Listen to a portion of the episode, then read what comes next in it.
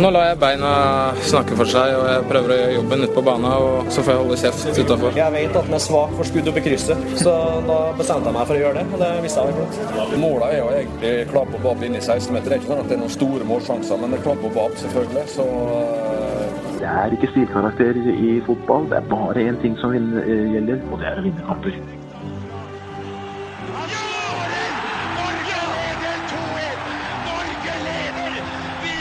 Og der er uh, toppfotball uh, tilbake. Velkommen uh, i studio, Lasse Wangstein. Takk for det. takk for det Det er rart egentlig å si velkommen til deg, på en måte. Vi, vi gjør dette sammen, og, og du er jo her nesten like ofte som meg.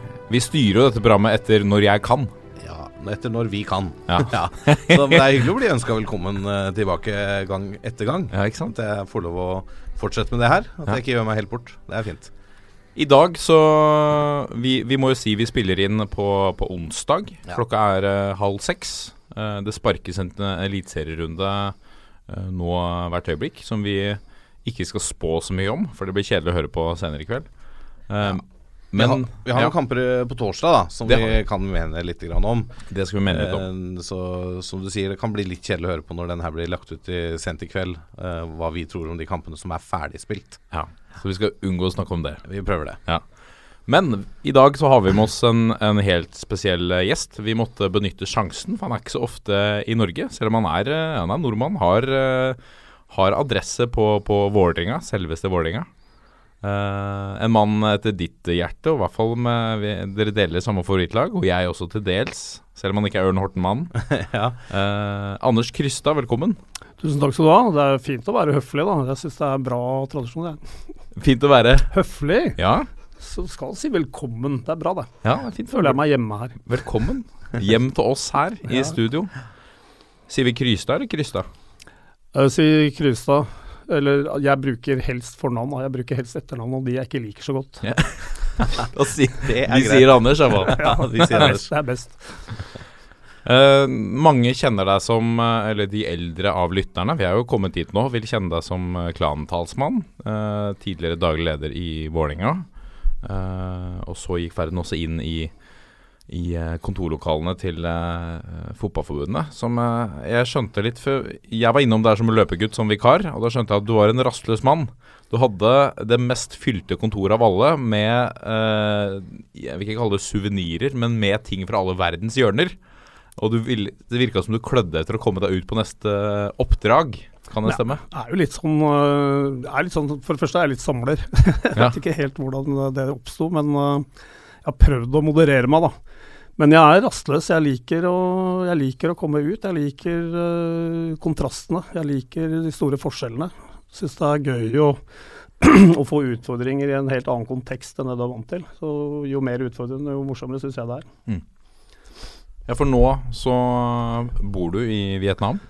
Ja, jeg har, øh, folk spør meg hvor lenge har du bodd der. Det er jo et godt spørsmål. For at det første gang jeg var der, var i 2001. Da var jeg i ti dager. Og så ble det tre uker, og så ble det en måned, og så ble det to måneder, og så ble det tre måneder. Men de siste fem-seks åra har jeg vel bodd der uh, hele tida. Vært sånn rundt 300 dager i året. Da må vi si at du bor der. Mm. Selv om jeg har postadresse på Vålerenga ennå. Ja, Du har fortsatt huset hus i Norge, men eh, jeg vil vel si det 300 dager i et land. Da er du bosatt. Ja, ja, nå har jeg bygd hus der, og, og jeg har gifta meg, og jeg kommer til å bli der. Det er planen, det. Mm. Så bare HB Helse holder. For det helsetilbudet der nede er jo ikke på samme nivå som her. Vi liker jo godt å klage i Norge, da, men eh, hvis, igjen da, sammenlign med hvordan andre har det, så ser du at vi har kommet ganske langt her i Norge. Vi har det ganske greit her oppe på berget, egentlig. altså, vi har jo et, vi var en trygghet rundt i hverdagen, både i forhold til utdanning og helse og sånt, som eh, nesten ingen de andre i verden har. Og det tror jeg vi glemmer litt når vi driver og krangler om uh, hvordan ting skal være her i Norge. Men eh, å bo i Vietnam uh, jeg vet, Alle vet jo at du har et hjerte i Vålerenga. Hvordan følger du Vålerenga fra Vietnam? Det er jo et mareritt, da, for det er også pga. tidsforskjellen. Ja. Særlig når det går seine kamper i Norge, og det er midt på natta der. Og TV har jeg ikke tilgang til for å få sett det. Jeg håper jo at det kommer gode internettløsninger etter hvert, da, så at det blir eh, fritt å streame ting og, sånt noe. Men jeg, når det er veldig viktige ting, så, så ender det at jeg står opp om natta og sitter og følger det på VG Live. og jeg, må, jeg er litt der, da. Det er såpass, da. Ja da. Ja. Det er, eh, det er ikke noe å lure på. Det er veldig bra med engelsk dekning. da. Altså, Premier League er godt dekka. Samme med tysk og italiensk og spansk fotball. Men engelsk fotball er liksom Det er det som alle vietnamesere elsker. Og Mm. det er ikke mulig å ikke få sett Premier League. Det er verre når det kommer til FA-cup og ligacup og sånn. Da er det ofte ikke dekning. Og det er vel rettighetsspørsmålet. Ja. For du er en ganske iuga Chelsea-supporter også. Det er jeg også. Ja. Uh, det er jo litt sånn Jeg var og så min første Vålerenga-kamp i 1961. Mm. Det husker jeg ikke noe av, men fatter har fortalt meg det. Og, så jeg var vel ikke Vålerenga-fan, men jeg dro til England i 75 da jeg var ferdig med gymnaset, og da bodde jeg rett ved Stamford Bridge. Og var der og så en kamp og ble voldsomt imponert over fansen. Så tenkte jeg dette må jeg jo sjekke ut. Så dro jeg til Westham og Arsenal og Tottenham og Leighton Orient og Brentford og alt som var. Crystal Palace. Men det var ingenting som var som Chelsea. Så ble det Chelsea. Og når jeg kom tilbake til Norge da, på av jula 75, da var det bare ett lag som kunne fylle den rollen Chelsea hadde hatt. Og seinere så er det jo blitt sånn at Vålerenga er viktigere, da. Det er det som er laget mitt, og så er Chelsea hobby. Ja, for hvordan var det? Eh, ta oss litt tilbake i tid. Da Vålerenga møtte Chelsea i Europacupen, hvor, hvor, hvor var hjertet ditt da? Ja, det var hos Vålerenga. Det er Ja. ikke noe å lure på. Men jeg gråt litt mindre når det var Chelsea som slo oss, da. Ikke sant? Det var litt lettere å svelge. Ja, altså det, Et av de lagene ville jeg bli glad for vant uansett, og det andre ville jeg bli lei meg for. Men eh, det var, jeg var Vålerenga-fan, det er ikke noe å lure på det. Utrolig stolt den dagen med 4000 Vålerenga-fans på Stamford Bridge. altså. Årets bortesupport ble jo kåra til England. Ja, det snakkes om ennå. Jeg har jo masse venner som går helt tilbake til uh, midten av 70-tallet. Og de, de snakker om den kampen der og hjemme Melke kyr, da. da og jenka! Ja, ikke sant? For det stemmer vel at det var det Chelsea-fansen som eh, melka kyr på Old Trafford noen uker senere? Ja. Det er morsomt. Fantastisk. Ja, det var stort. Det, var, det, det er ikke det største. Nå må vi, nå må vi forklare dette for, uh, for uh, lyttere som kanskje ikke skjønner helt hva vi mener. Når dere sier 'melka kyr', Ja. da mener dere håndbevegelsen til, uh, til Ja. supporterne? Ja, klanen Vanskelig, vanskelig å gjøre på radio, da, men Ja. det er jo rett og slett at man står med armene foran seg, og så trekker man i spennene, og så synger mø mø. ikke sant? Det Ja. er ikke vanskeligere enn det. For å signalisere at dere er bønder. Ja. Ja. Alle som ikke heier på Vålerenga, er jo bønder, uansett hvor de kommer fra. Det er helt riktig. Selv om de er fra verdensmetropolen London, så er de per definisjon bonde. Mens ekte bønder, de er vi egentlig ganske glad i, for at de lager korn, og korn lager vi øl. Sånn at de liker vi godt. Ja, de liker vi godt. De liker vi godt. Men nå, uh, nå Anders, så er du uh, På fotball.no så står det spesialrådgiver for uh, spesialrådgiver fotball og internasjonalt samfunnsansvar. Men du har jo en uh, Du startet Football for all i Vietnam. Ja, det er jo eneste gangen i mitt liv jeg har opplevd også begynne med noe hvor det ikke fantes noen ting. Altså det å virkelig ha blanke ark og, og tegnestifter, og det å kunne bruke alt du hadde av teori og få testa det ut i praksis. Det er det fineste jeg har gjort i livet, tror jeg. Å kunne ha den muligheten, og så se hvordan, hvordan noe utvikler seg fra null. da. Som regel når du begynner i en jobb, så er det jo noe der fra før. Ja. Det er jo et eller annet du arver, men i dette tilfellet så var det ingenting. Var det her initiert av deg personlig, eller var det initiert Nei. av Fotballforbundet? Det, det er en artig historie, for den går helt tilbake til 97. Da det begynte valgkampen i Fifa. og Da promoterte Per Omdal uh, Lennart Johansson fra Sverige som Fifa-president. Og Per reiste da rundt og hadde et møte med vietnamesiske forbundet og presidenten der, og sa at hvis dere stemmer på oss, eller på Johansson, så skal dere få barnetrenerkurs. Og så kom Blatters folk og sa men dere har jo ikke kontorer, skal vi bygge en blokk til dere på fire etasjer? og kjøpe 100 PC-er til dere og sånn. Ja, da skal vi se barnetrenerkurs, ny blokk. Jeg tror vi tar blokka, jeg. Men da var, jo, da var jo løpet lagt, da. Da lå det plutselig noe, en liten pott med penger, og så får vi se hva du kunne få ut av det. Det ble en del. Ja, ja. Fantastisk. Ja, for nå har dere holdt på i uh, veldig mange år. Uh, hva, hva, er, hva er målet til hvi- Hvis du tar eh, Hvis du har medarbeidersamtale i, i Norges eh, Fotballforbund, hva er på en måte målene dine med prosjektet? Har det, er det satt noen mål fra, fra Ullevål stadion? Ja, det er det jo. Og, og vi bruker jo både NFF-penger og skattpenger på dette. Vi får jo støtte fra Norad. Så det er jo et samfunnsutviklingsprosjekt, men hvor da idretten spiller en veldig viktig rolle. Og, og det å bygge idretten er jo også å bygge det sivile samfunnet. Men det bygger jo på, det bygger jo på solidaritetstanken innad i fotballfamilien. At de som har overskudd, bør kunne bidra til utvikling eh, også andre steder. Og jeg må jo si at en del av de erfaringene vi gjør i Vietnam, det er nyttig for oss her i Norge òg. For det, er er nybrottsarbeid, og du ser hva som funker. Vi har f.eks. brukt kvotering for å få med jentene. Og det har virka, da. 50% av spillerne våre er jo jenter. Mm. Og det begynte jo med at ja, men jenter spiller ikke fotball. Og da ble jeg litt sånn irritert da jeg hørte disse gamle gubbene sa at det, det er for menn. Så sa jeg men det er veldig enkelt. Hvis gutta vil spille, så må de ha med seg en jente på trening. Hvis ikke du har med deg en jente på trening, så må du gå hjem igjen. Da får du ikke spilt. Oi, oi. Og da tok det jo ikke så lang tid før det var eh, vanlig da, at jenter spiller fotball. Nå er det, nå er det opplest og vedtatt. Det, det er ingen som stiller det spørsmålet lenger. For dette er et, uh, dette er et sånn barne- og ungdomsprosjekt Ja. hvor du skal egentlig sette barn og ungdom i aktivitet og gi dem noe å bedrive fritida med? det er, jo, det er jo ikke bare fotballen, da. De Nei. får jo med seg det vi kaller for livsferdigheter. Hvor vi gjør og skal drive kunnskapsformidling gjennom aktiviteten. da, Hvor de lærer litt om trafikksikkerhet. De som har vært i Vietnam, vet at det er et definitivt tema der nede. Vi jobber med hiv-aids. Eh, For de minste så snakker vi om å ikke diskriminere de som kommer fra familier hvor noen er smitta. For de eldre så er det snakk om å beskytte seg. Fra tolv år så begynner de å trene med bananer og kondomer. Ja. Eh, så har vi uh, personlig hygiene, sanitær. Vi har uh, mineundervisning. Det er fortsatt et kjempeproblem i Vietnam. Vi- Hvordan da? Å unngå det, eller å spotte de, eller? ja. Ja. De, de lærer hvordan det ser ut, Ja. og så lærer de å ikke røre. Det er ikke mer avansert enn det. Nei. Men vi gjør det gjennom lek og konkurranser. Ja. Og det er en veldig effektiv måte å, å lære på. Og dette har vi testa ut. Vi kjører liksom en gruppe, tester på forkunnskap. Deler dem i to.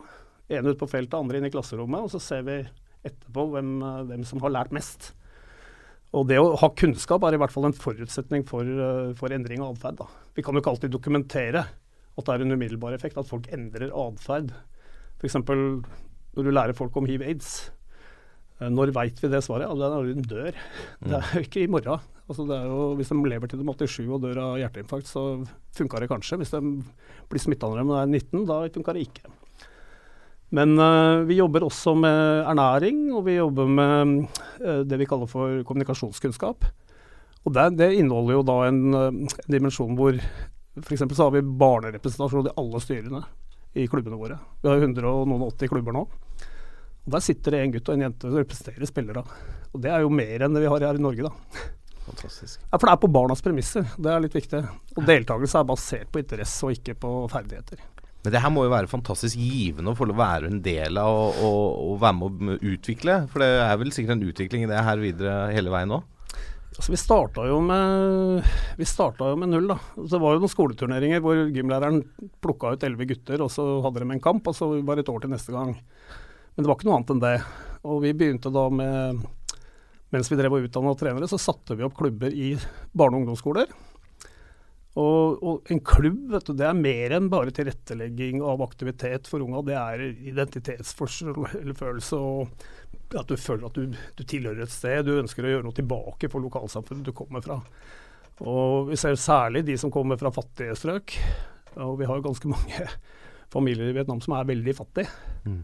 Og vi ser det blant funksjonshemmede. Det der å, å tilhøre, å få lov å være med i en aktivitet hvor, eh, som er for deg, og på dine premisser, det gjør noe med folk.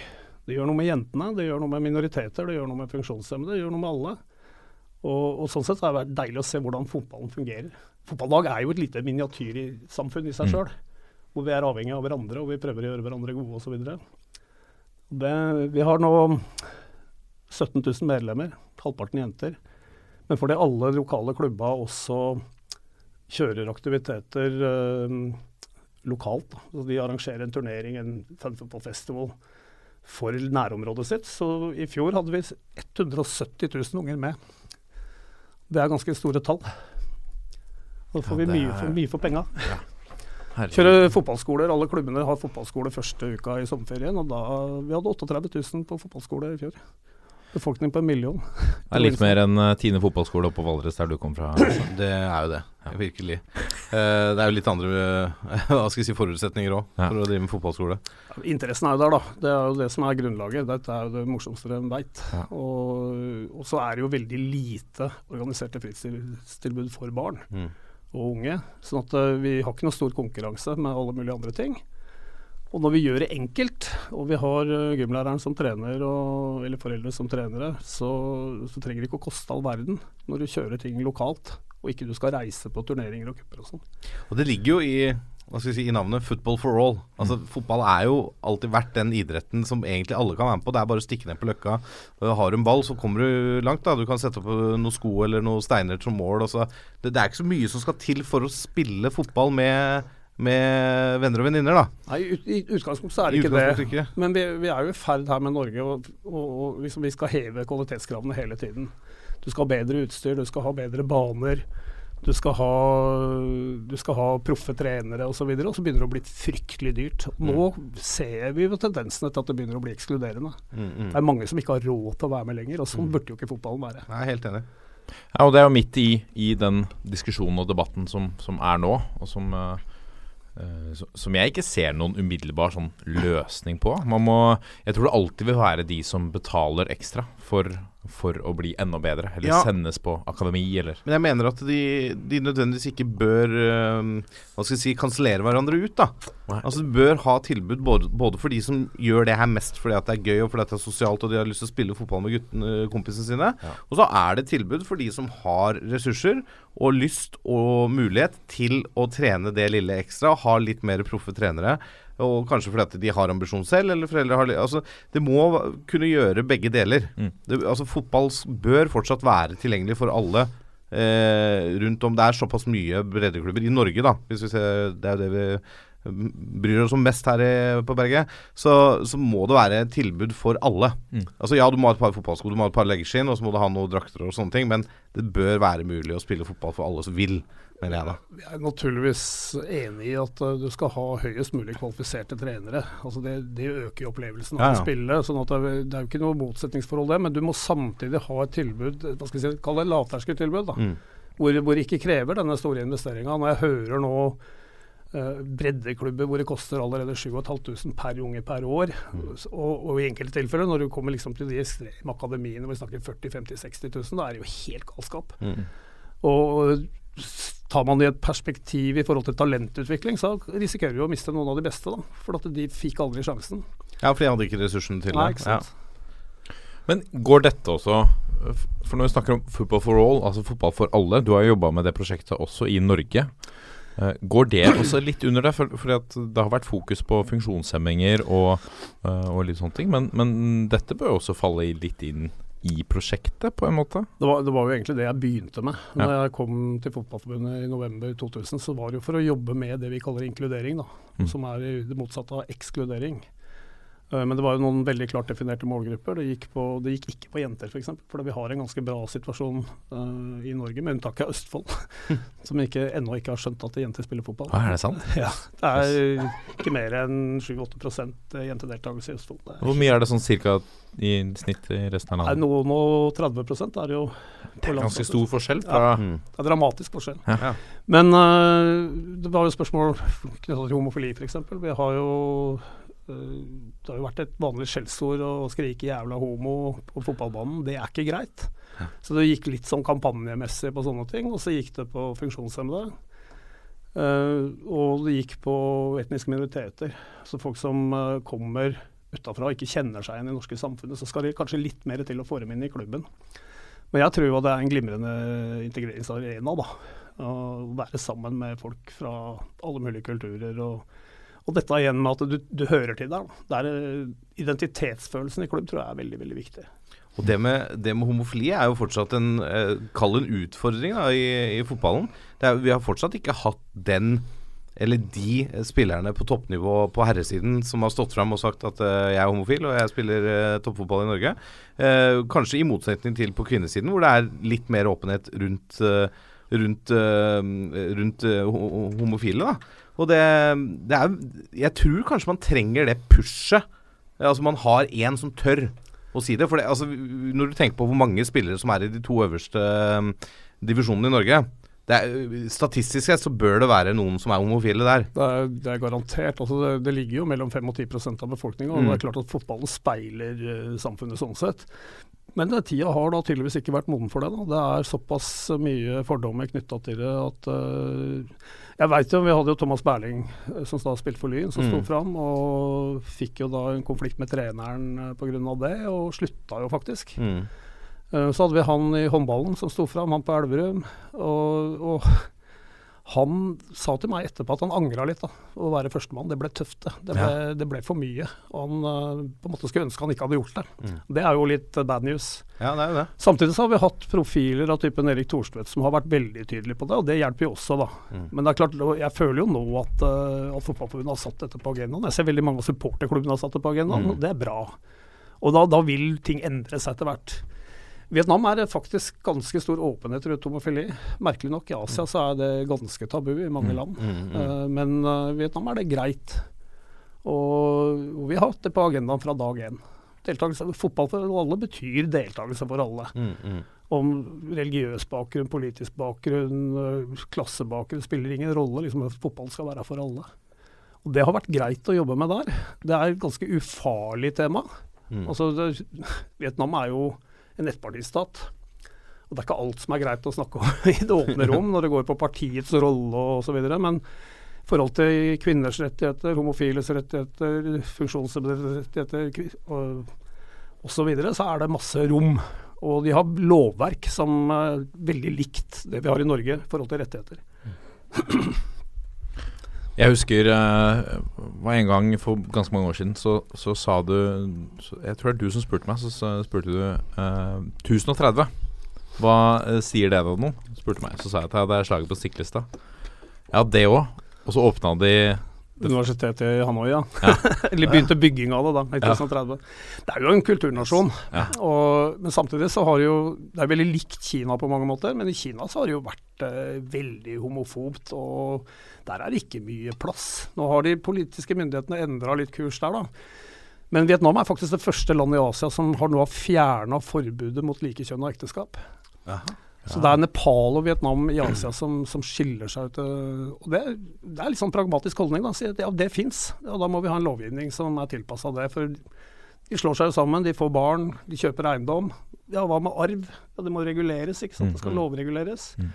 Så det er en veldig sånn Det blir ikke en det blir ikke en verdibasert debatt, egentlig. Det blir mer et spørsmål om pragmatikk. da. Ja, okay. Men det er grei, grei innfallsvinkel, det. Ja. Men hva gjør en, en, eh, en nordmann i 2001 når han står, har landa i Vietnam og tenker at nå skal jeg begynne å drive Her skal jeg drive fotballprosjekt. Hvor begynte du? Ja, du, du begynner med, å, begynner med å erkjenne at du kan fint lite, da. Nei, altså jeg, jeg er gammel nok til å ha fått med meg Vietnamkrigen, da. Eller Amerikakrigen, som vi kaller det i Vietnam. Ja. ja, selvfølgelig. Eh, den tok jo slutt i 75, og da var jeg allerede ferdig på gymnaset, så, så jeg hadde definitivt et forhold til det.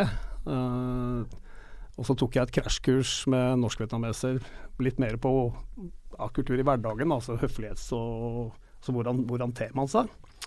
Og så dro jeg ned, og så fant jeg ut veldig fort at jeg, jeg skjønner jo ikke Vietnam. Jeg skjønner ikke hvordan det er skrudd sammen. Jeg må finne noen som har den kompetansen, og det fant vi faktisk i Kirkens Nødhjelp. Vi har et prosjekt i Hue. Vi begynte i Hanoi. Uh, masse problemer der, for det er, veld, det er hovedstaden og veldig politisk. og Det er tungt å jobbe byråkratisk der. Uh, og så er det ikke plass. Inne i gamlebyen er det ikke plass til fotballbaner. Og så mangla vi da den kompetansen på skal vi si, myndighetsstrukturer og sånn. Så fant vi ut at det, det prosjektet i Hue som uh, Kirkens Nødhjelp drev, det var et godt utgangspunkt for oss. Og dro dit og hadde møte med myndighetene der, og de var veldig interessert. Og så er det masse plass i det. Det er jo en liten provins egentlig, men det er godt med plass. Nesten alle skoler har lekeplass eller skolegård. Og det er jo 95 av klubbene våre har egen bane. Så, så har vi jo skapt, uh, skapt noe på At vi satte opp noen grusbaner. Enkle grusbaner. Uh, satte opp 13 stykker, og så skjønte jo folk hvordan dette skulle gjøres. Og vi ga ut en manual. da. Sånn bygger du grusbane, så gjør den på dugnad. Bygg den 30-40 stykker. lokalsamfunnet Ja. trer inn og, Ja, og bygger. Og gjør sjøl det. Og det har jo vært hele poenget, da. Hva med regntid og sånne ting? Er ikke det en Nei, men en grusbane holder. De er Ja. flomsikre, og så når vannet trekker unna, så ligger banen igjen. Du må legge på topplaget kanskje hvert femte år, eller noe sånt, så må du legge på noen centimeter Mm. med knust stein. Men vi satte opp den første kunstgressbingen i Hanoi. Vi lagde den første i Hue. Nå på tre år så har det kommet noen og 60 kunstgressflater i Hue, hvor det bor en million mennesker. Og det er jo det er fordi vi har skapt et behov for, eh, for baner. Ja. Det er private baner, folk må betale for å spille der. Ja. Men uh, interessen Folk er så stor. Lokalbefolkningen betaler for å spille. Det er noen frie som myndighetene har bygd sjøl, men uh, det aller meste må du betale for. Så da leier lagene eller Ja, Spleis, spleiser. Ja. Det er ikke noe godt seriesystem og sånn ennå, da, men vi, har, uh, vi er i gang med det. Mm. Kjøre miniserier. Og det er mest uh, I prosjektet vårt kjører vi mye sånn Fun Football Festivals. Så, og det er jo en sånn idé vi hadde med fra Norge. Hva er det for noe? Fun football Festival? Det er nesten samme som fargerik fotball. da. Ja. Hvor du spiller med Du spiller smålagsspill. Vi spiller stort sett femmer. Da har vi ti på laget, spiller fem første omgangen og de andre fem andre omgangen. Så lik spilletid. Mm. Uh, og så spiller du korte kamper, to ganger ti minutter. Og spiller kanskje tre eller fire kamper på en dag. Og så er det ikke noe sluttspill og finaler, bare masse kamper. Ja. Og store opplevelser, masse, møter masse nye venner. Og så kjører vi da disse livsferdighetsaktivitetene parallelt. da. De som ikke spiller, de er med på kulturaktiviteter eller sånne vi kaller life skills på engelsk. da. Som kan være f.eks. det vi snakket om i stad, med kunnskap om hiv-aids Ja. og Men vi gjør det da, vi gjør det, prøver å gjøre det morsomt. da. Mm. At det er interessant å være med. Og i og med at vi kjører eh, fra, fra fem til tolv år, så kjører vi uten, uh, uten eh, finaler. Og uten å føre logger over resultater. Fra 13 så er det jo mer konkurranseutsatt. da. Og mer spissing av lag og sånn. Men da beholder vi samtidig uh, et tilbud for de nest beste og de dårligste. Så at alle får spilt, uansett om du skal satse, så får du lov å være med på det A-laget. Og så har du B-lag og C-lag og D-lag. Og De fleste skolene eller klubbene våre nå har jo rundt mellom 100 og 120 medlemmer. 60 gutter. Og 60 Fantastisk. Men det, hva var det viktigste når, når, da du kom dit? Var det vi trenger baller og fotballsko og utstyr, eller vi må bygge baner, eller var det vi må utvikle Nei, trenere? Vi må utvikle trenere. Vi, Ja. må, vi må utdanne trenere. Og, og det begynner der. Altså, Baner fantes jo til en viss grad. Mm. Uh, baller kan ungene lage sjøl. Av søppel og plast og gjør de det? Er det ja, ja, ja. Men du får kjøpt billige baller. da, Det er jo plastballer og bakelittballer. Det er ganske vondt å spille med bakelittball. Ikke noe særlig å legge inn høy corner. Men panna. vi, har, vi har en svær sponsor på ball. da. Vi har, eh, det er et prosjekt som heter One Bird Play Project, som uh, er støtta av General Motors, Chevrolet. Og de har nå, til, nå levert 44 000 baller til oss. Ja. Uh, og det er en halv million dollar, altså fem millioner kroner i baller. Ja. Og da blir massedistribuert. Og da, det som er viktig da, at ikke du har ei treningsgruppe med 40 unger og én ball. Det er Ja. helt håpløst. Da har du ikke noe kontakt med ballen. Altså lange linjer og sånn, det skal vi ha vekk. Mm. Så minimum 20 baller på 40 unger. De spiller én mot én. Men uh, tilbake til du spurte hva gjør vi da? Jo, vi, vi gikk jo til fotballforbundet i Vietnam og sa at øh, nå er vi her med barnekursene våre. Så sier de ja vel, er dere det? uh, så tenkte vi ok, da får vi produsere noe først, da. Mm. Og så får vi se om de kjøper det etter hvert. Og det gjorde vi. Etter to år i Høe så tok vi og håndplukka et guttelag og sendte til en turnering til, som vietnamesiske fotballforbundet hadde. da. Og de kom hjem med sølv. Tappende finalist. Da kom telefonen. Hva er det du Ja. driver med oppe i Høe? Ja. Dette har vi lyst på. Dette, dette høres spennende ut. Og nå er vi jo masseleverandør av kvinnelagsspillere til, til landslagene. ja. U14-laget og U16-lagene har flertall av Hue-jenter på landslaget. Så det er klart, har du gode aktiviteter i bredden, så får jo komme talent nå. Det er ikke noe å lure på der. Er det noen fra eh, disse fotballskolene dere har holdt på med i disse åra, som nå er A-landslagsspillere for Vietnam?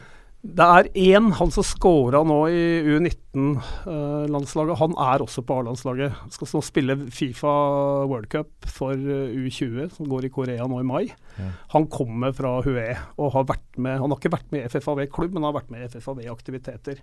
Han skåra det vinnermålet som gjorde at de kvalifiserte seg til VM. Da. Kult. Så det, vi har en liten finger med der, og det er vi stolte av. Jeg ser det er 136 på Fifa-rankingen. eh, Norge er 81 nå. Bare det det er noen år der. Da vet du, så er de forbi. Og er alt eh, takket være Anders her. Nei da, det, det er interessen. Og det, de, de, altså, de mangler ikke noe på interessen, men de, de er veldig gammeldagse i tenkinga. Og, og klubbfotballen altså, jeg har hatt masse problemer med korrupsjon, da, med matchfiksing og sånn. Så at folk har mista interessen for, for klubbfotballen i landet.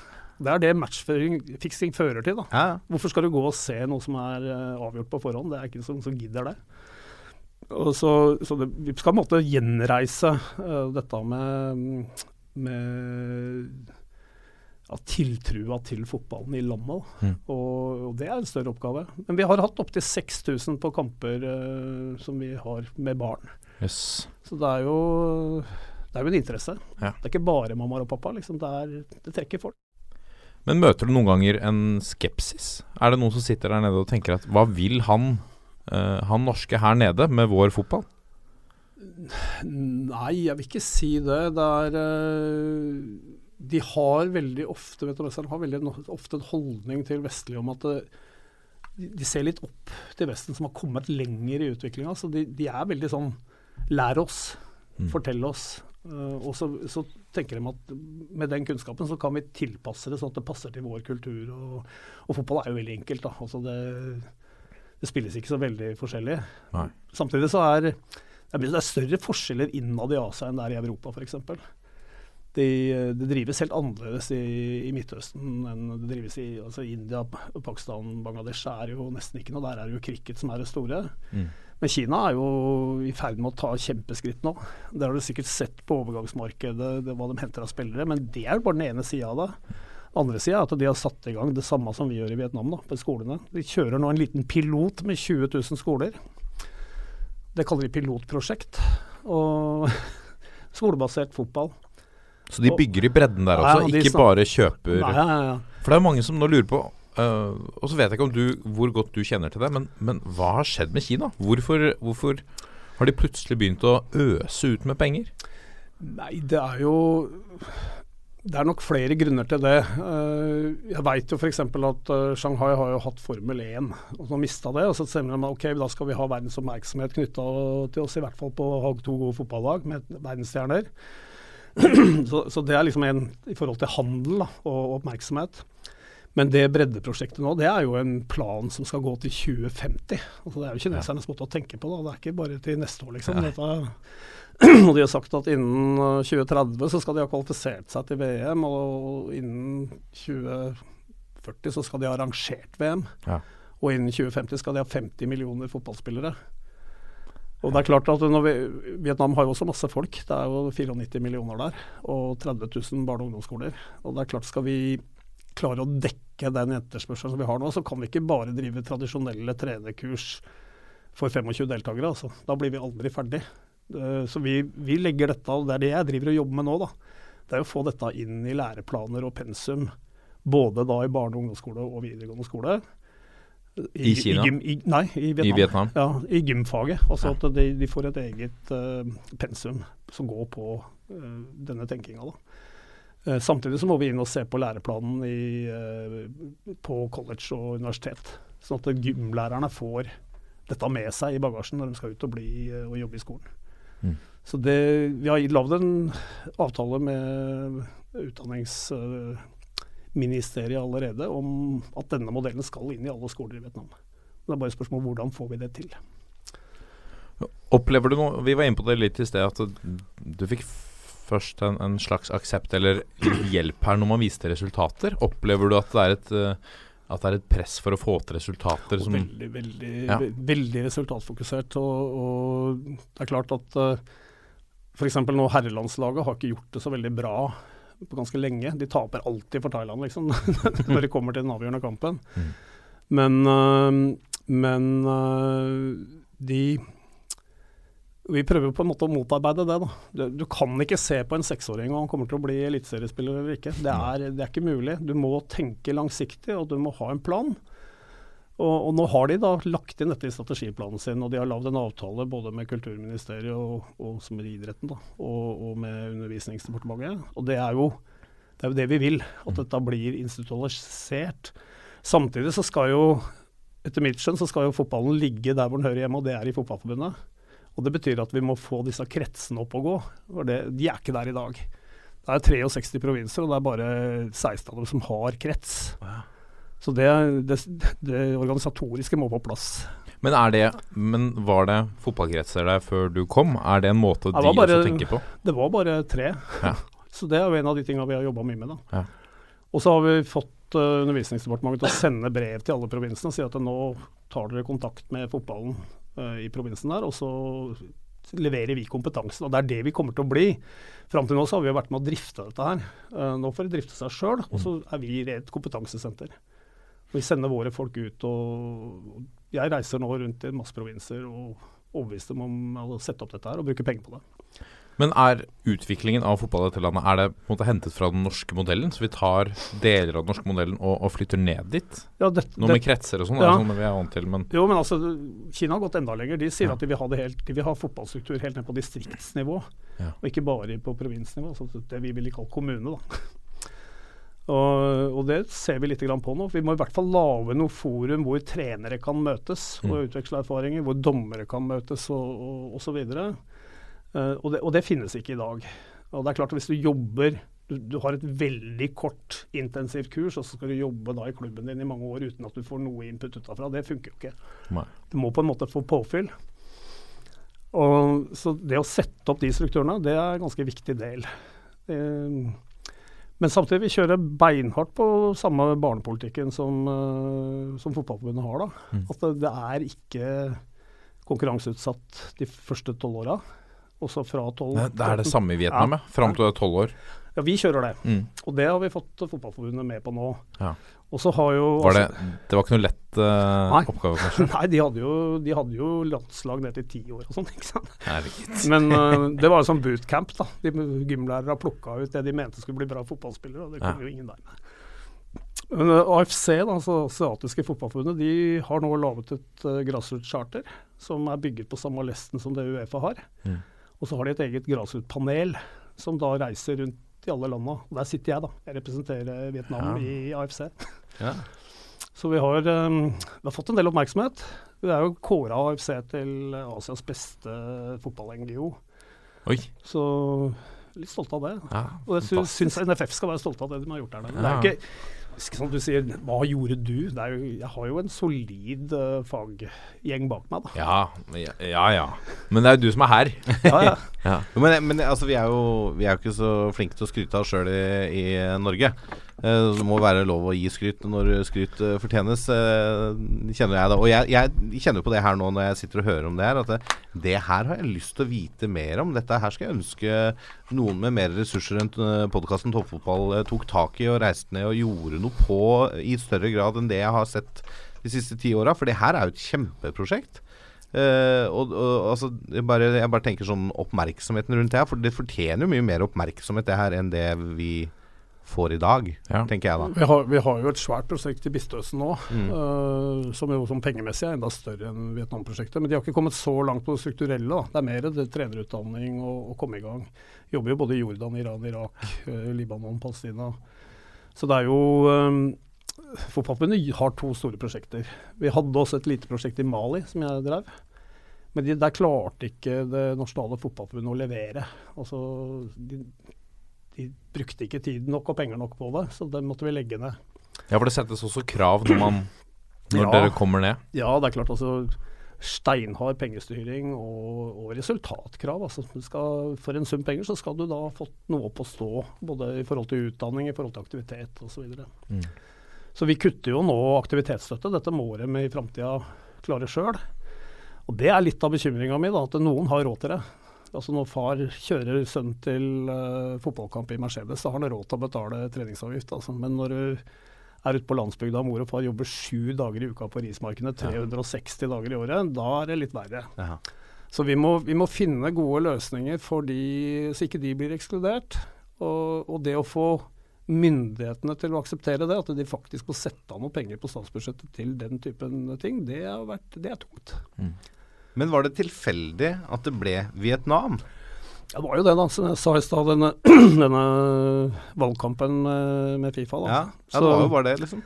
Ja, det starta der. Men, er, men jeg, jeg har hørt før, og det er mulig jeg har, husker feil nå, men er det ikke sånn at Vietnam på mange måter, og, og liksom tankesettet til vietnamesere, er på mange måter litt likt det vi har her i Norge på, på noen ting? Altså det, det, det går an å finne noen felles knagger å henge ting på som gjør at det kanskje funker for en nordmann å komme ned der og, og starte prosjekt som du har starta, da? Ja, altså det, er, det er vel kanskje forskjellene som slår meg mest, da. Ja, ja. enn likheten. er, folk er folk, mm. og interessen for fotball har alle, på en måte, i Ja. hele verden. Men, men eh, jeg vil, opplever jo Vietnam som veldig sånn kollektiv kultur. Da. Det er vi og oss, og det er ikke meg Nei, aleine. Altså, jeg ser jo på norsk kultur som mer egosentrisk og og litt mer sjølopptatt og, og sånn, og litt, og litt distanse. Vietnameserne er veldig, vil veldig tett på, og, men det er mange lag, da. Så for å bli kjent med folk i Vietnam, så må du på en måte dykke ned gjennom disse, alle disse lagene. Og de, de har jo dette begrepet om å tape ansikt, som jo ikke vi har her. Uh, og, de har et helt annet forhold til demokrati, tenker jeg, f.eks. Altså, det, de kaller jo vår styreform for flertallsdiktatur. for det, det, er helt umulig. Altså, vi kunne aldri hatt en folkeavstemning om medlemskap i EU i Vietnam. For da hadde du hatt en tapende part, og de ville til enhver tid ha motarbeida det tapet. Så det er konsensus. Altså, du, må, du må diskutere til du har en løsning alle er enige om. Da får du ting gjort. Ja, så av og til så tar det litt lengre tid, men du får et mye bedre resultat da. Har du noen sånne sterke fotballopplevelser eller et eller annet noe fra der nede som, som du husker? Ja, har. Ja, så for det første, så det å gå på en sånn fun football festival med, med 1000 unger på en elvebane, da. Ja. Og, eller, vi har klart opp til 1400 på en sånn en bane. Herregud. Deler opp i ti minibaner. Det er jo en opplevelse i seg sjøl. Ja. Uh, men uh, jeg har jo vært og sett på landslaget, og særlig aldersbestemte landslag. da det der U19-laget og U21 har vært uh, veldig bra. Mm. Mye mm. morsomme spillere. Veldig bra tekniske grunnferdigheter, det, det finner du. For de har masse leker. Som uh, f.eks. de har disse rattanballene som de driver og leker med. De har en, noe som de kaller shuttlecock, mm. som er sånn, ser ut som en sånn svær badmintonball. Som de står og happer med i skolegården og spiller fire mot Altså en liten firkant, da. Ja. Så de lærer seg jo å kontrollere uh, ballen mens de allerede er små. Og de tar med seg noe av det inn. Samtidig så ser jeg jo at de har en sånn likhetsgreie. da, Alle skal behandles likt pga. den kollektive tenkinga. Og det tar litt bort av kreativiteten. da. Mm, mm. Det blir vanskelig å finne en Eden Hazard uh, der nede, for han får ikke lov å være det. Men, og det, det, jobber vi faktisk med nå. Altså. Men er det ikke litt sånn som det er uh, her i Norge også? Ja, i norsk fotball. Jeg, vi, altså, nå har det vært noen år med å bare utvikle tiere, som uh, Jon Arne Riise sa i forrige pod, men mm. Eh, det er jo kollektiv fotball det vi snakker om i Norge, som har tatt oss til mesterskapene vi har vært i. Er det rett og slett at norske klubber nå må få opp øya og reise en tur til Vietnam og begynne å finne spillere der? det er jo ingen grunn til at ikke vi skulle fått opp noen av disse jentespillerne våre, i hvert fall. Uh, og det kunne være en uh, sak for uh, toppserien her i Norge å hente inn et par stykker og kombinere det med utdanning. Ja. Vi har jo ikke profesjonell fotball for kvinner i Vietnam. Så laget som da utgjør eh, toppserien der nede, det er jo ikke mer enn fem eller seks lag. Og veldig vanskelig å, å livnære seg av det. Men vi ser at disse unge jentene våre de velger gymlærerutdanning. da. For da blir de uh, sportsfolk og, og, tjener penger, har en ja. jobb å gå til. Nettopp. Så vi har de første 14 ferdige nå fra universitetet, som uh, kommer fra oss. Som har valgt en idrettsvei, da.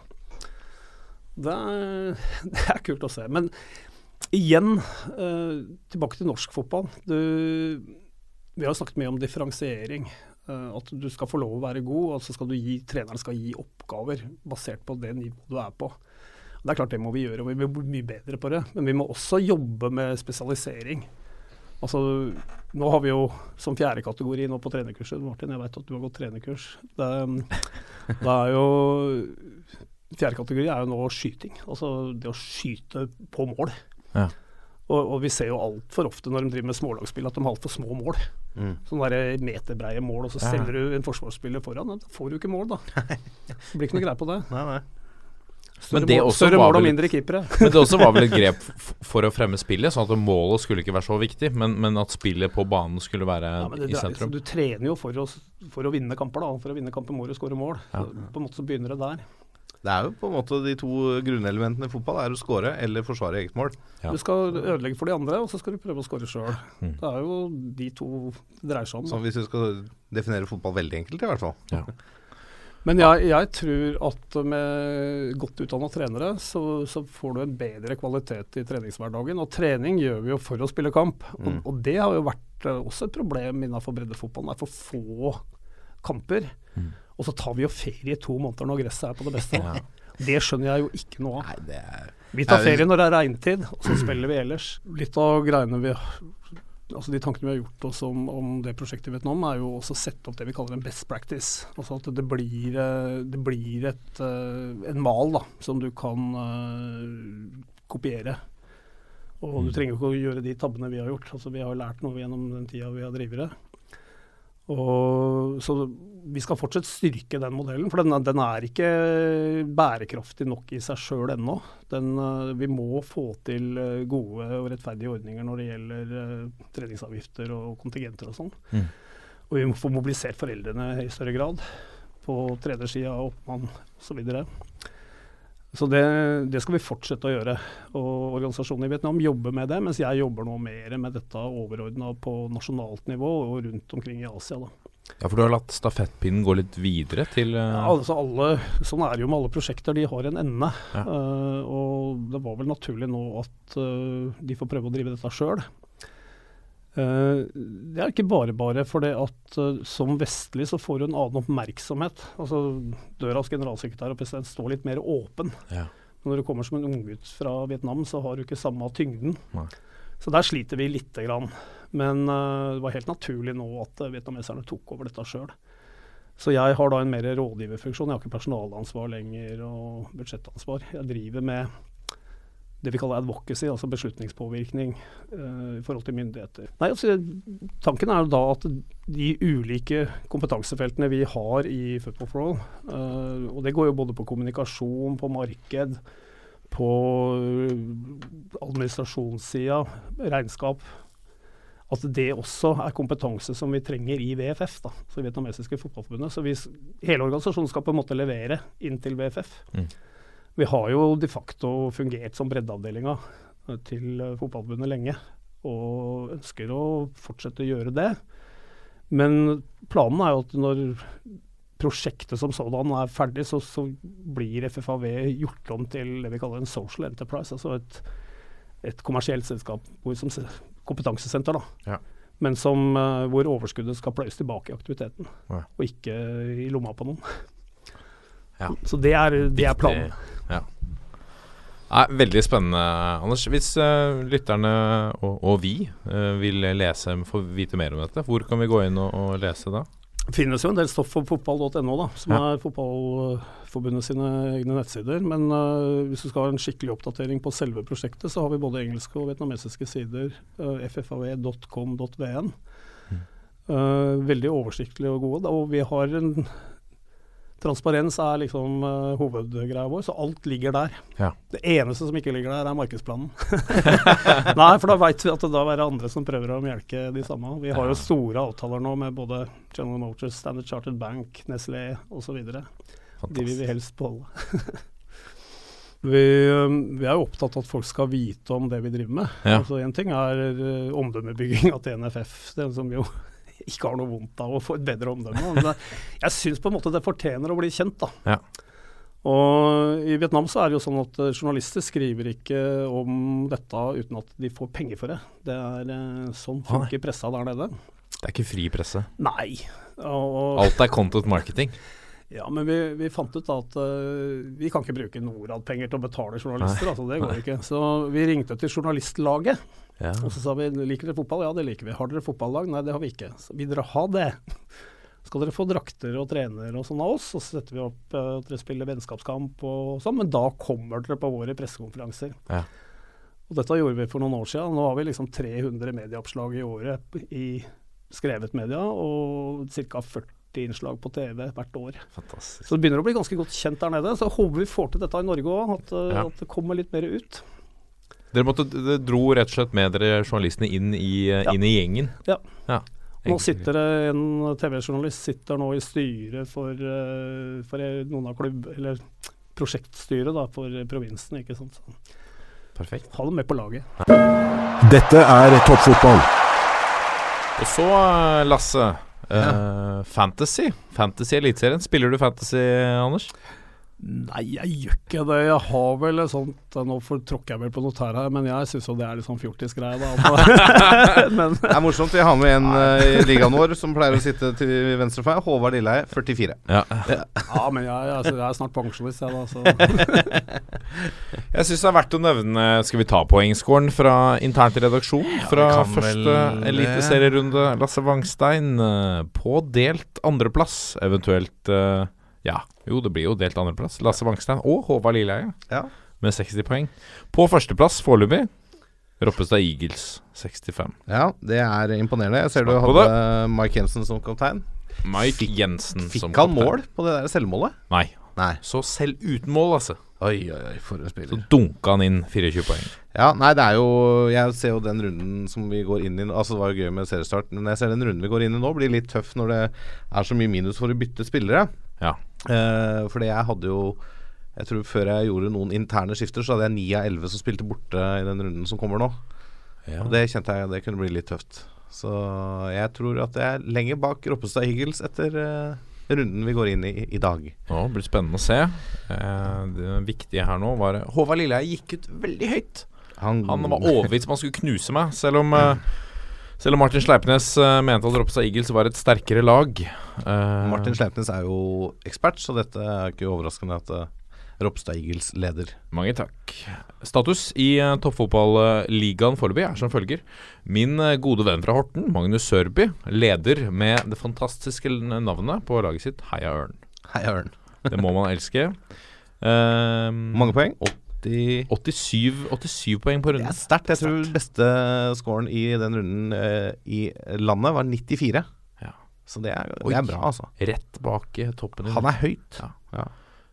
Jeg ser, noterer meg også at Kjetil Wæler er inne på topp 10 med sitt uh, W og co. Er det et slags foretak han har startet der? Jeg lurer på det. Ja. Han er jo på Selv om han skal være litt uh, Eurosport-ekspert i noen runder, så er han vel litt på utkikk etter nye arbeidsoppgaver. Spennende. Ja. Eh, ellers har vi uh, Ta de tre første plassene. da. Banos FC uh, med, fra Bjørn Thomas Lien og Mik Gjell fra Martin Brøste. De eh, puster, eh, puster Magnus Sørvi i nakken, selv om Magnus eh, kan eh, få seg en luke. han har eh, 11 poeng til nummer to allerede. Er Sterkt.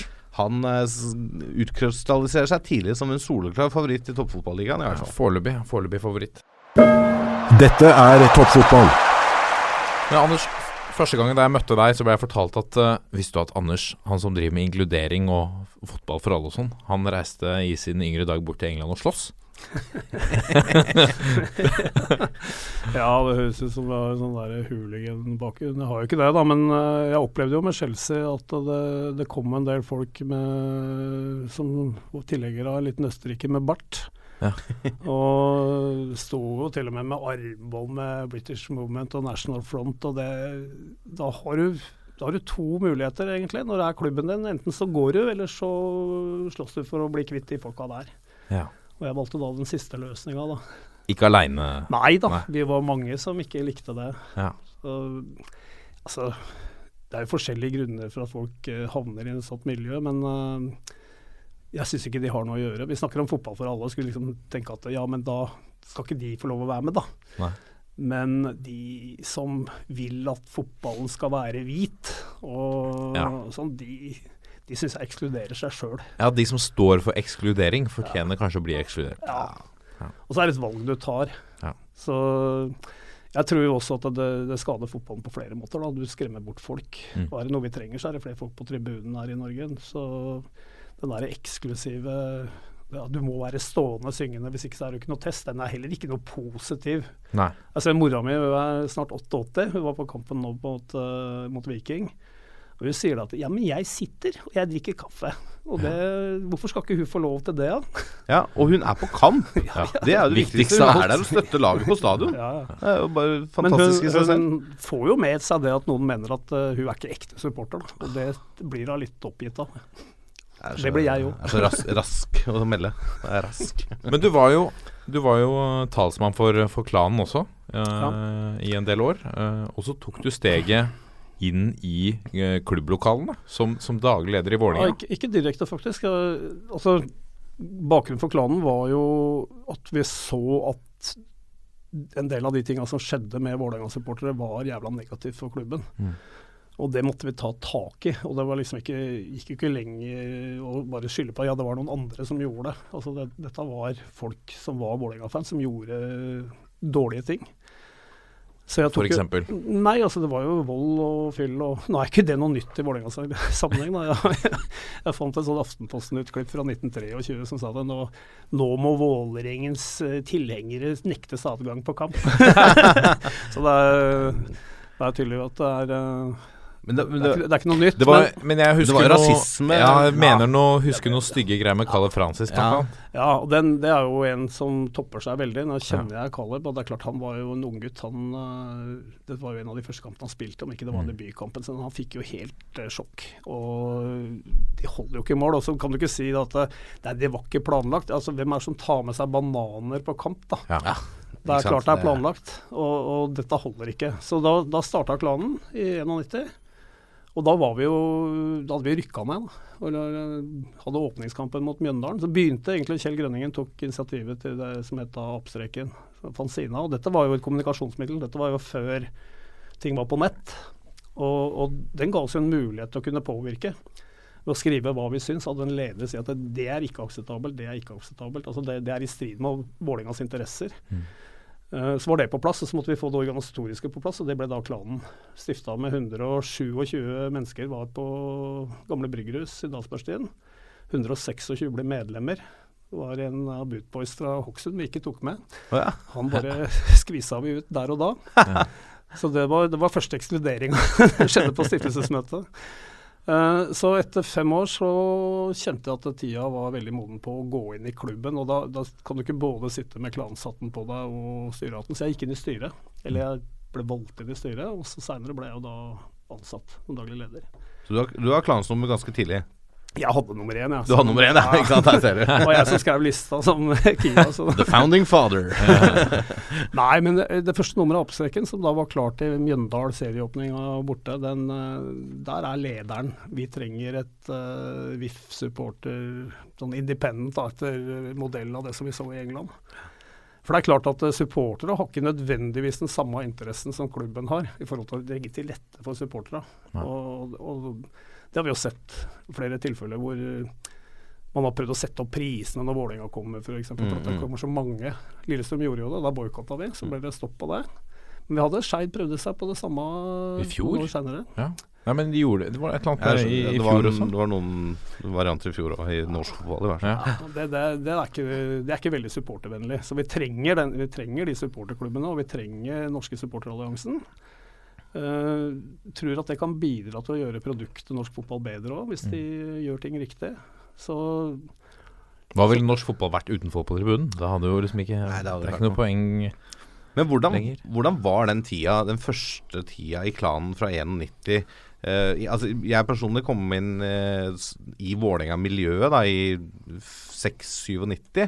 Uh, var utflytter fra Valdres, men hadde hatt et eh, danseband som spilte på hotellet fatter'n drev, som heter Nordre Sving. Så jeg hadde hørt veldig mye Vålerenga-låter og hørt om Bislett. Og liksom, når jeg da kom til eh, Østlandet som eh, 16-åring, så var det noe som trakk meg til Bislett. Og det er derfor jeg ble Vålerenga-supporter, egentlig. da Eh, og da var, det jo, da var det jo litt satt, med liksom store stå og den greia der. Men hva, hvordan var de første åra?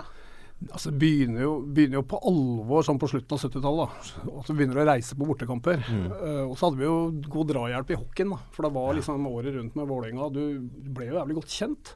Og hockey er veldig intimt, og når, når det er pauser, så står du og prater, og var ikke liksom overdøvet av eh, alt mulig reklamefjask, liksom. Vi fikk en mulighet til å prate sammen, og diskuterte da engelsk fotball og Vålerenga. Og, og satte i gang med busser og reiste på bortekamper og fikk eh, Altså vi, vi la noen grunnsteiner allerede da, men det, det rent organisatoriske kom ikke da på plass før tolv tolv år etterpå, liksom. Så det tok litt tid. Men det er jo blitt en uh, Har i hvert fall vært en, uh, en viktig del av Vålerengas identitet. Bare passe på at ikke klanen blir for så store at de blir seg sjøl nok, liksom, og så skremme bort andre. Jeg, um, Jeg får oppleve litt det nå, du var inne på det. Du må stå. Uh, det er ikke lov å spille trommer der. Altså, det er mye sånne regler som er Som jeg har skjønt. Ja, jeg, jeg kjøper ikke det, da. Jeg tenker at vi er forskjellige, vi har forskjellige interesser. Uh, jeg, stokker, jeg liker å stå sammen med klanen. Når jeg drar på bortekamper nå, så, så står jeg med klanen. Det gjorde jeg også når jeg var daglig leder, faktisk. Mm. Jeg satt ikke på hovedtribunen som eh, styrer. På vippen? Altså. Nei, Nei. jeg, føler meg mer hjemme der. Men, eh, men eh, jeg tror ikke noen har rett til å definere hvem er det som er supporter. Det definerer jo folk sjøl. Altså holder du med en klubb, så holder du med en klubb, og du gjør det på din måte. Så lenge ikke du gjør noe som skader klubben. Ja. Og det der å være supporterpoliti og Det har jeg ikke noe sans for i det hele tatt. Jeg er helt enig. Det er Folk må få lov å gå på kamp med den eh, innstilling de har til å støtte laget sitt. Om det er for å være der, om det er for å synge med på noen av låtene, eller om det er for å synge med på alle sangene og hoppe og herje. Det, altså folk, det er som du sier, folk må få lov å være seg sjøl, altså. Ja, men? Jeg tar jo av og til bussen fra vertshuset bort til Ullevål, og så kommer det noen folk fra Sirkus Vålerenga og sier at skal ikke damer stå sammen med oss når vi synger, det, det er bare for gutta. Altså, Da blir jeg helt matt. Eh, la de som har lyst til å synge, synge, og legg til rette for det. Og la de som har lyst til å drikke kaffe og se på kampen, få lov å gjøre det. Det er like gode supportere av den grunn. Men du, du var daglig leder i, i Vålerenga på slutten av 90? Nei, ja, altså jeg begynte Vi hadde jo den 97-sesongen hvor vi var i førstedivisjon og Mm. kom til cupfinalen. og vant cupfinalen. Da jobba jeg for klubben allerede. Ja. Jeg hadde det prosjektet med, med cupfinalen, var mitt uh, ansvar. Og så kom jeg vel inn i styret i Ja, jeg var vel i styret allerede da. Uh, og så fikk jeg da Søkte jeg på jobben som daglig leder i 98. Så jeg var jo daglig leder når vi spilte den berømte kampen borte mot uh, Besjiktas. Det er jo min største opplevelse. Ja. Eh, den slår alt jeg har vært med på. Tre mål på ni minutter, og verden ser plutselig helt annerledes ut. Så var det jævlig gøy med Chelsea. Eh, Så var jeg fungerte daglig leder fram til 2000. Da Da gikk jeg over til forbundet. Men det Og det var litt sånn fordi at jeg hadde lyst til å jobbe med unga igjen. Jeg hadde lyst til å jobbe med breddedelen og jobbe med samfunnsansvar. og Litt lei av 18 år gamle gutter som sitter og aldri har prestert noe og skal ha millionlønner. Det ble litt kjedelig, altså. Men, men i den tida som daglig leder i Vålerenga Det er jo fortsatt litt sånn historie om om pølsepapirklubben og sånne ting. Men det var jo en det var, det, Allerede da begynte man å profesjonalisere eh, norsk toppfotball. Hvordan var den jobben med den historikken Vålerenga hadde? Det var fortsatt kontorer i brakka, vil jeg tro. Ja, altså det Slum skaper slum. Nei da. Vi, um, vi var jo veldig svak administrasjon. Altså Vi var veldig få folk. Det var fryktelig mye å gjøre. Jeg holdt jo på å jobbe meg i hjel oppå der. Og, og det er klart at når, når du da hadde medgang, sånn som i 97-sesongen, så var det jo stor stas. Mm. Du rykker opp og fulle hus på Bislett, cupkamp mot Brann. Og krona med en cupfinale, så så er det jo stor opplevelse. Og så hadde vi det Europacupen, og cupvinnercupen i 98-99, som uh, naturligvis veldig gøy å være med på. Mhm. uh, og det var på en måte mitt første møte med si, den virkelig profesjonelle fotballen. Og det er klart Når vi dro bort til London, så, så hadde vi jo med markedsavdelinga og, og hadde møte med Chelsea for å lære mer. Så hvordan, hvordan tenker dere, hvordan driver dere? Og gjennom toppfotballen i Norge så har man jo også klart å, å lære av hverandre. da. Det er, det er blitt ganske bra miljø i forhold til det å dele kompetanse. Og Man kan ikke bare kopiere det andre har gjort og, og si at da blir det bra hos oss. Det må tilpasses. Mm. Og det må tilpasses profilen og altså identiteten din da, i klubben. Vålerenga skal ha litt sånn rufsete rykte, tror jeg. Jeg tror det er greit, jeg. Ja. Men eh, pølsepapir er definitivt slutt på. Nå er det jo klubblisenskrav.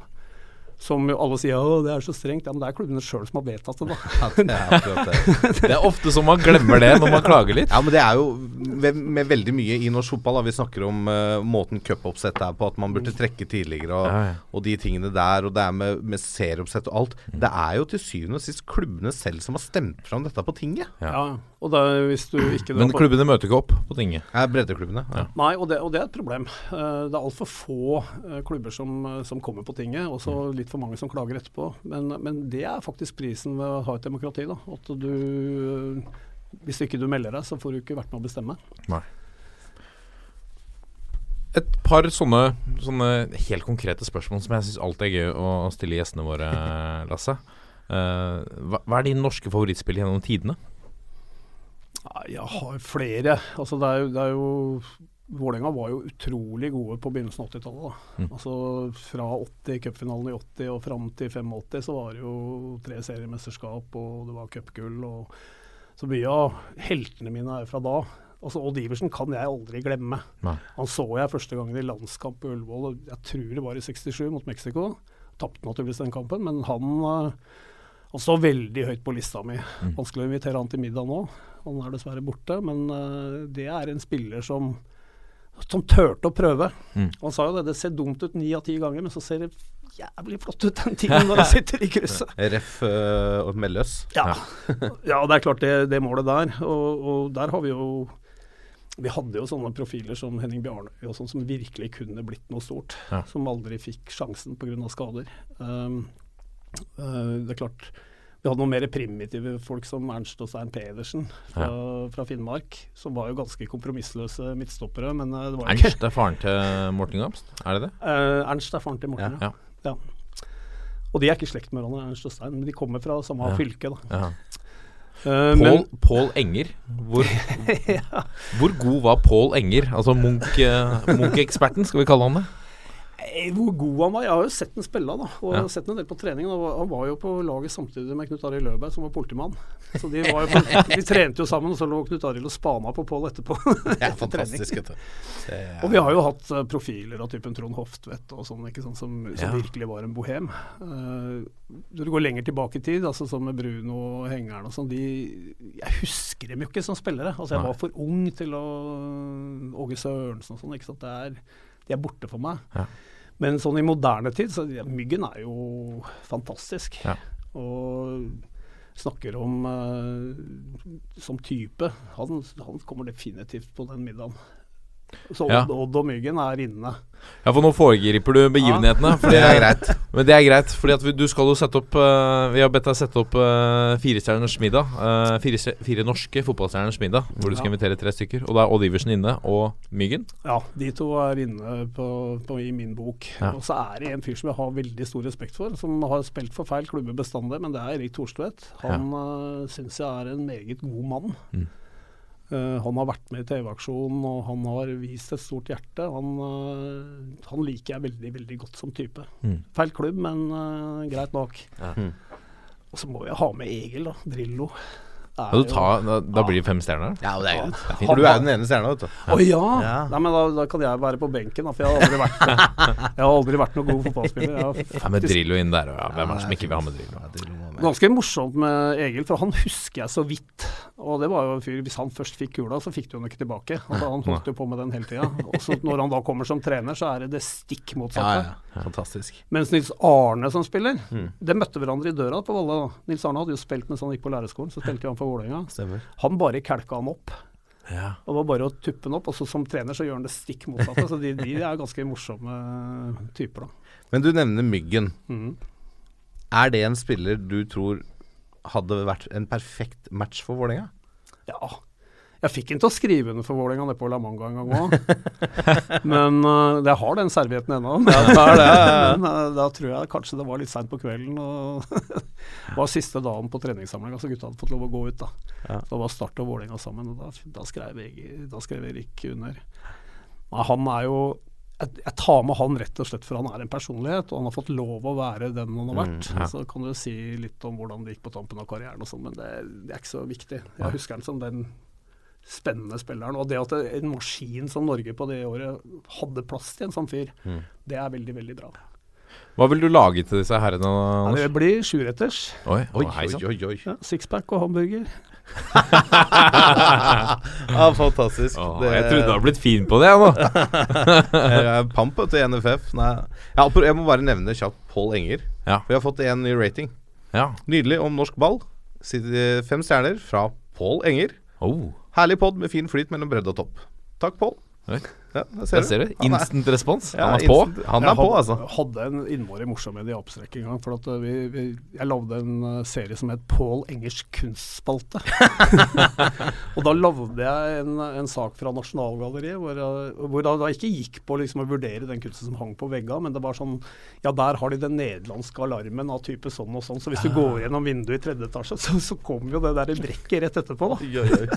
Og da fikk jeg faktisk en telefon fra Gjorde studenten. Ja, ja. Er det noe i den der greia i oppstrikken, eller er det Det var fri fantasi. Fantastisk. Ja, det er bra. Anders, eh, fantastisk å ha deg her. Du, du skal videre. Det er ikke rart du eh, Du har ikke så lang tid du skal være i, i Norge heller. Du kan ikke sitte her Nei, hele tiden. jeg, jeg, har jo, jeg har jo venner her. Altså, jeg, jeg er jo nordmann, og selv om jeg har gjort vietnameser av meg, så, så er jeg jo ikke, liksom, jeg er ikke tapt for Norge. Men um, jeg har jo en gammel mor, og jeg har sønnen min her. og Dattera mi bor nede i Tyskland, så jeg prøver jo å se dem så ofte jeg kan. da. Ja. Men jeg, planen er å bli i Vietnam, ja. Ja. Så selv om jeg har eh, tanker om å pensjonere meg om ikke så veldig lenge, så skal jeg jo jobbe med fotball, men i Vietnam. Mm. Det er veldig belønnende å, å, å jobbe med asiater fordi de står på så innmari. Mm. Det er ikke noe sånn 'sitt og gi meg', det er 'lær meg'. Ja. Og det liker jeg veldig godt. Ja. Få ting gjort, altså. Og så blir det svært. Må, ja, åpenbart. Ja, vi hadde altså 170 000 unger med i Hue-provinsen i fjor, da. Det er, eh, Det er ganske ganske høyt tall. ja, det er voldsomme tall. Det er 15 av befolkninga. Det, I provinsen. Ja. Ja, det er fantastisk. Du, jeg må stille deg et eh, spørsmål eh, kjapt før du går. Hva tror du om uh, Vålerenga anno 2017 med Ronny Deila bak spakene? Har veldig tro på Ronny. Han har jo vist sjøl, altså både i Godset og Celtic, at han er bra. Og jeg kjenner han litt eh, fra når han jobba i kretsen i Telemark. Så det er jo en mann jeg eh, tror er en god match for Vålerenga. Um, eh, om han har alt det spillematerialet som han trenger, det veit jeg ikke. Det ga ikke den første seriekampen noe svar på. Bård Finne er naturligvis et funn tror jeg. Han, han kan bli en markant spiller i år. Spennende. Uh, han, han tør, han utfordrer. Han er kanskje ikke den raskeste i verden, men han er så trygg med kula så han kommer seg forbi. Da. Så jeg tror fortsatt at eh, Rosenborg er soleklare favoritter. Eh, de ligger nok foran. Uh, kan jo nesten legge budsjettet på bordet og så se hvem som har mest ressurser. Men, men Vålerenga skal være topp fire, tenker jeg. Og så er det litt mer usikkerhet rundt f.eks. Brann, da de pleier å svinge stort i prestasjonene. Så når de har vært høyt oppe et år, så skal de vinne gullet umiddelbart. Det pleier jo aldri å gå særlig bra. Nei, De vinner alltid gull i april. Nei, Men um, jeg tror uh, Jeg håper ikke vi har noen serie som er avgjort i august. Det, det er det kjedelig. Så håper jeg det blir trøkk. Nå får vi noen svar nå. Går det jo midtukerunde, og så er det fullt kjør igjen allerede til helga. Og da, da har vi spilt tre kamper. Da veit vi litt mer. Men uh, jeg, jeg liker avslutningen i oktober-november. Ja. Da, hvis du klarer å holde spenninga helt fram, så er det veldig bra. Kommer du tilbake til Norge til åpninga av Vålerenga stadion på Valle? Jeg gjør ikke det, for jeg har en sånn halvtårssyklus på reisinga mi som gjør at jeg kommer ikke før i oktober. Jeg får noen hjemmekamper, da, men jeg kommer ikke til åpninga, dessverre. Men jeg, Det har blir oppe og stort. sett- jeg har vært oppe og sett på den, og det, jeg gleder meg voldsomt til det. For det er jo nesten i bakgården din. Ja, jeg, jeg har jo denne leiligheten oppe på Etterstad ennå. Den har jeg riktignok leid ut, men jeg bor på Vålerenga når jeg er her. Ja. Um, og føler meg jo som en del av, av miljøet. Vålerenga vertshus og bussen bort. Og jeg, liksom, jeg, er, ikke, jeg er ikke borte. Ja. Men um, samtidig så har jeg et veldig godt liv der nede. Det er bygd hus der og masse gode venner. Og elsker jo maten der. Elsker klima. Jeg er ikke noen sånn tilhenger av uh, slaps i Det er ikke det du savner? Det er rart det der at folk ikke savner det i Norge. altså. Slapsen. Nei, men altså, du har Jeg har to bilder i huet. da Det ene er sånn uh, tatt på Carl Berner i januar, hvor jeg står med rullatoren min og skal på bingo. og det andre bildet det er meg i en hengekøye mellom to palmetrær eh, Ja. på en korallstrand uh, med en liten paraplydrink i hånda. Og, Og med rullatoren parkert ved siden av palmen. Den, da skal vi ha noen til å bære meg rundt. Fantastisk. Anders, tusen takk for eh, besøket. Det var veldig gøy og spennende å høre om. Ja, det var hyggelig å være her òg. Nå kommer pulsen. Så har vi kommet til eh, pulsen, eh, Lasse.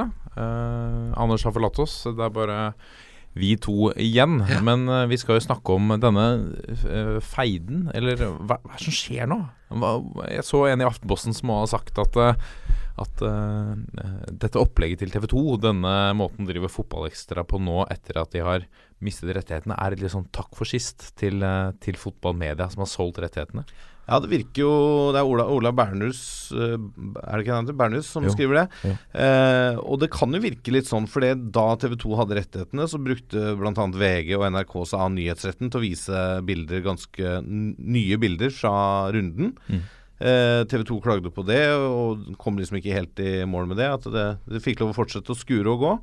Nå velger da TV 2, som vi så vidt har vært innom, å ha et fotballekstra. Uh, hvor de har lagt inn da ekstra nyhetssending hvert 20. minutt eller hver halvtime.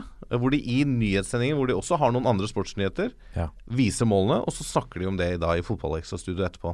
Men har de nye sportsnyheter for hver nyhetssending hver halvtime? Ja, er, Nei, men altså det, det er jo sånn som hvis du sitter og ser på nyhetskanalen til TV 2, så hender det jo at Ja, nyheter går går i i loop. Ja. Eh, for det folk kommer inn på forskjellige tidspunkt. Eh, om det er takk for sist, det kan hende. Om det er et smutthull i eh, regelverket som handler om nyhetsverdien og muligheten til å bruke klipp fra ting som har nasjonal nyhetsinteresse. Det kan så være.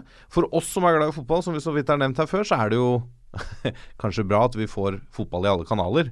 Og at TV 2, som er en betydelig aktør på TV-fronten i Norge, eh, gidder å bry seg om norsk fotball. Selv etter at de har mista rettighetene. Nettopp, for det, Ja. det er jo kanskje det mange har vært uh, litt bekymra for. Og, og som vi kanskje spesielt så med, med Kanal uh, Digital, Mm. i, eller Kanal Pluss, uh, i sin tid, eh, var at eh, fotballinteressen dalte fordi at eh, da TV 2 hadde det ikke, og de sendte det nesten bare bak eh, lukkede vegger. Nå er jo Eurosport eh, fire kamper på åpen kanal og, og ganske billig for å få tak i de fire andre. Ja. Uh, men det er eh, Det blir spennende å se den, uh, den utviklingen der. Og det kommer det en nyhet i dag om at uh, Fotballmedia har beslutta å stevne TV 2, da. Ja, hvorfor det? Hvorfor gjør de det? Har du, har du gjort noen tanker om det? Ja, jeg tror dette handler rett og slett om at de vil se på jussen i det. Ja.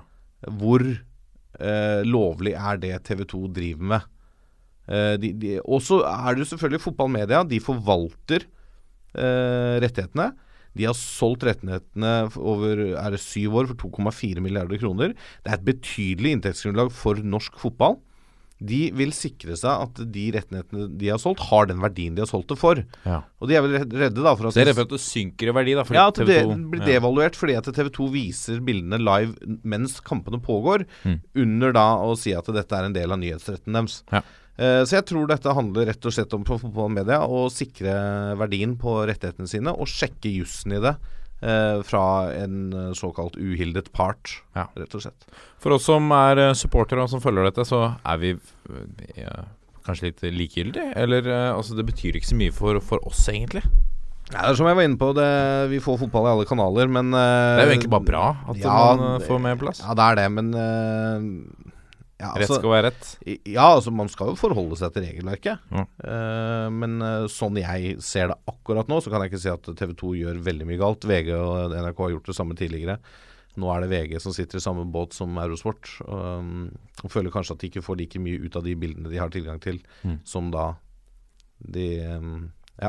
Så jeg, jeg vet ikke. Det, men for oss uh, supportere så er det Vi ser fotballen der vi ser den, og jeg syns Eurosport har gjort eh, det var bra den første runden. Ja. Det, det var, det var bra, bra fotball, bra TV og Bra dekning. ja, bra dekning, rett og slett. Og det er jo gøy. Vi skal videre til en uh, liten lokalsak fra Asker uh, Er det Asker og Bærum? Uh, Budstikka? Budstikka, kanskje? Ja. Kanskje det er det. Hvor det er overskrift om at eh, samboeren til Ohi, altså hat trick Ohi, som eh, putta tre mål fra en halvmeter for Stabæk nå i helga, eh, som har besluttet å skjerme han. Ja. Fordi at eh, han eh, tydeligvis så har han sittet da hele kvelden og brukt eh, tid på å lese alle artikler og overskrifter opp og ned i mente, svare på tekstmeldinger.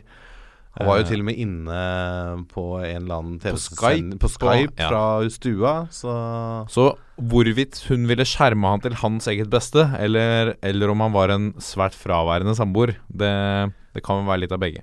Historien forteller vel ingenting om det. Nei. Men eh, Han er i hvert fall skjermet nå. han er skjermet. eh, og så ble han jo litt, sånn småskada Ja. i den kampen. Han er visst klar igjen til eh, Han spiller mot Sogndal, og Ja. det er vel kampstart as we speak, Ja. faktisk. så dette blir jo helt tåpelig å snakke om. Men han er i hvert fall i troppen. Skal vi se om han starter, da. Ta den veldig kjapt mens vi sitter her. Men, og det gjør han selvfølgelig, toppskåreren i Eliteserien. Ja. Eh, men jeg, nå kjenner jo ikke jeg OI sånn veldig godt, men det kan jo tenkes at han er en type som mister fotfestet litt fort, da. Kanskje er det Det kan jo hende at det er noe, er noe der. Ja. Det har jo vært store forventninger til han tidligere, uten at han har slått helt ut i full blomst. Ja. Gått rykter i vinter på at han har sett skarp ut. Han har skåra mye mål i vinter, og det, han fikk jo full eh, forløsning for det nå i seriestarten. Ja. Eh, så får vi håpe for Stabæks skyld, som er spådd en tung sesong, at han eh, fortsetter eh, å banke på. Dette er toppfotball. Så skal vi snakke veldig kort om, eh, om de tre matchene som spilles eh, torsdag. Vi slipper jo denne natt til eh, torsdag, så å snakke om onsdagskampene blir bare, blir bare rør, Lasse. Men vi kan jo begynne med Viking Tromsø på Viking stadion torsdag klokken syv. Ja, Viking startet jo med et, med et tap, som kjent. Ble du Men de var ikke eh, helt tannløse mot Vålerenga på, på Ullevål. Noen Nei. vil si at de var best. Ja, de, de hadde noen store sjanser her. Jeg jeg ble litt positivt overraska over Viking. Eh, men det var litt som vi var inne på da vi tippa tabellen. Viking kan havne alt mellom 6 og 12, egentlig. Eh, dette Vikinglaget så ut som et lag som jobba for hverandre. Som eh, er villig til å gå i krigen for å vise at eh, dommedagsprofetiene er feil. Eh, og Viking er et lag som kan til tider være vanskelig å slå i Stavanger. Tromsø hadde besøk av Brann. Fikk en sen scoring og eh, 1-1. Det er, veldig, altså det er en veldig god følelse, da når du har ligget under lenge og få den seine scoringa. Det er nesten uh, følelsen av en seier. Uh, så dette er jo eh, Egentlig tror jeg det er to lag med en god opplevelse fra første kamp som møtes. Selv om Viking tapte, og det er surt, så viste de tendenser i spillet sitt som gjør at dette Og da mangla det jo eh, han uh, Adegbenro, som er stilt veldig høye forventninger til. Han er usikker til kampen i morgen, men eh, er han tilbake, så blir jo det en forsterkning for Viking. Eh, men eh, altså, isolert sett så bør vel Viking ta den her. Gøy å se at Martin Gams, Martin Gams Pedersen er i, i gang med en assist eh, nå mot, uh, mot Brann. Ja, veldig så morsomt. Fortsetter i, i samme løpet. Mange har sagt at han skal bli, han skal bli stor i år. Ja. Um, raskt videre til Brann-godset. Nå er jo ikke Drammens store sønn, eller Solbergelvas uh, store sønn, er jo ikke her. Håvard Lilleheie. Um, hva tenker du om godset bort mot uh, bergenserne? Nei, dette er jo to lag som er forventa å kjempe ganske høyt opp på tabellen. Eh, som eh, Altså, Brann får med seg et ålreit resultat eh, fra, fra Tromsø. Ja, De- det er- hvis 1-1 ja, ja, de har, de, har slitt, de har slitt mye i Tromsø. Så de får med Ja. seg et godt resultat. Kommer nå hjem på trygge Brann stadion. Eh, Godset får en kjempestart på sesongen. Um, kanskje noen vil si litt heldig mot Haugesund, for det, Haugesund tar jo ledelsen etter 19 sekunder med Gitkjær junior. Eller lillebror Gitkjær. Ja. Eh, og så er det en situasjon der hvor Markus Pedersen skal ha rødt kort. Ja. Hvor- han meier ned Haraldseit ute på kanten av 16. Eh, forferdelig takling, og hadde Haraldseit hatt foten i, stamfoten i bakken der, så hadde det sannsynligvis ryket noe voldsomt i leggen. Eh, han er ute, Haraldsveit. Han er en viktig spiller for Haugesund. Mm. Han er ute, ehm, og, jeg, og jeg blir litt sånn Jeg blir så irritert i etterkant av kampen når eh, Tor Ole Skullerud og Markus Pedersen for så vidt prøver å tone ned eh, alvorligheten i den taklingen. Nå har dommeren gått ut i etterkant og sagt at ja, når jeg ser det på nytt, så skulle dette vært rødt kort. Men dommernes oppgave på banen er å beskytte spillerne. Og så er regelverket sånn at han fikk gult kort, det ble dømt, da kan det ikke straffes i etterkant. Nei. Dette er en hårreisende, grisete takling som eh, Pedersen eh, setter inn. Og det er ikke første gang at eh, Pedersen setter inn grisetaklinger eller gjør noe dumt på banen. Så det er ikke sånn at dette er sånn engangstilfelle som kan unnskyldes med at han var het i toppen fordi at det var seriestart og han var gira. Det her var en grisetakling, og han går inn høyt med foten. Og det vil jeg ikke se på norske fotballbaner. For det, ja, det skal være trøkk, og det skal takles, og det skal smelle. Men da skal det smelle rettferdig. Ja. Det skal være cleant, altså. Og hvis ikke det er det, så er det ut. Uh, så mm, jeg håper Pedersen har lært av det. Han kommer sikkert til å være heit i toppen på Brann stadion nå. Han var jo der en periode og kanskje ikke hadde kjempesuksess. Er nå liksom i klubben som han føler seg mest hjemme i. Og mm, det her er en helt åpen kamp. Ja. Det her kan bikke begge veier.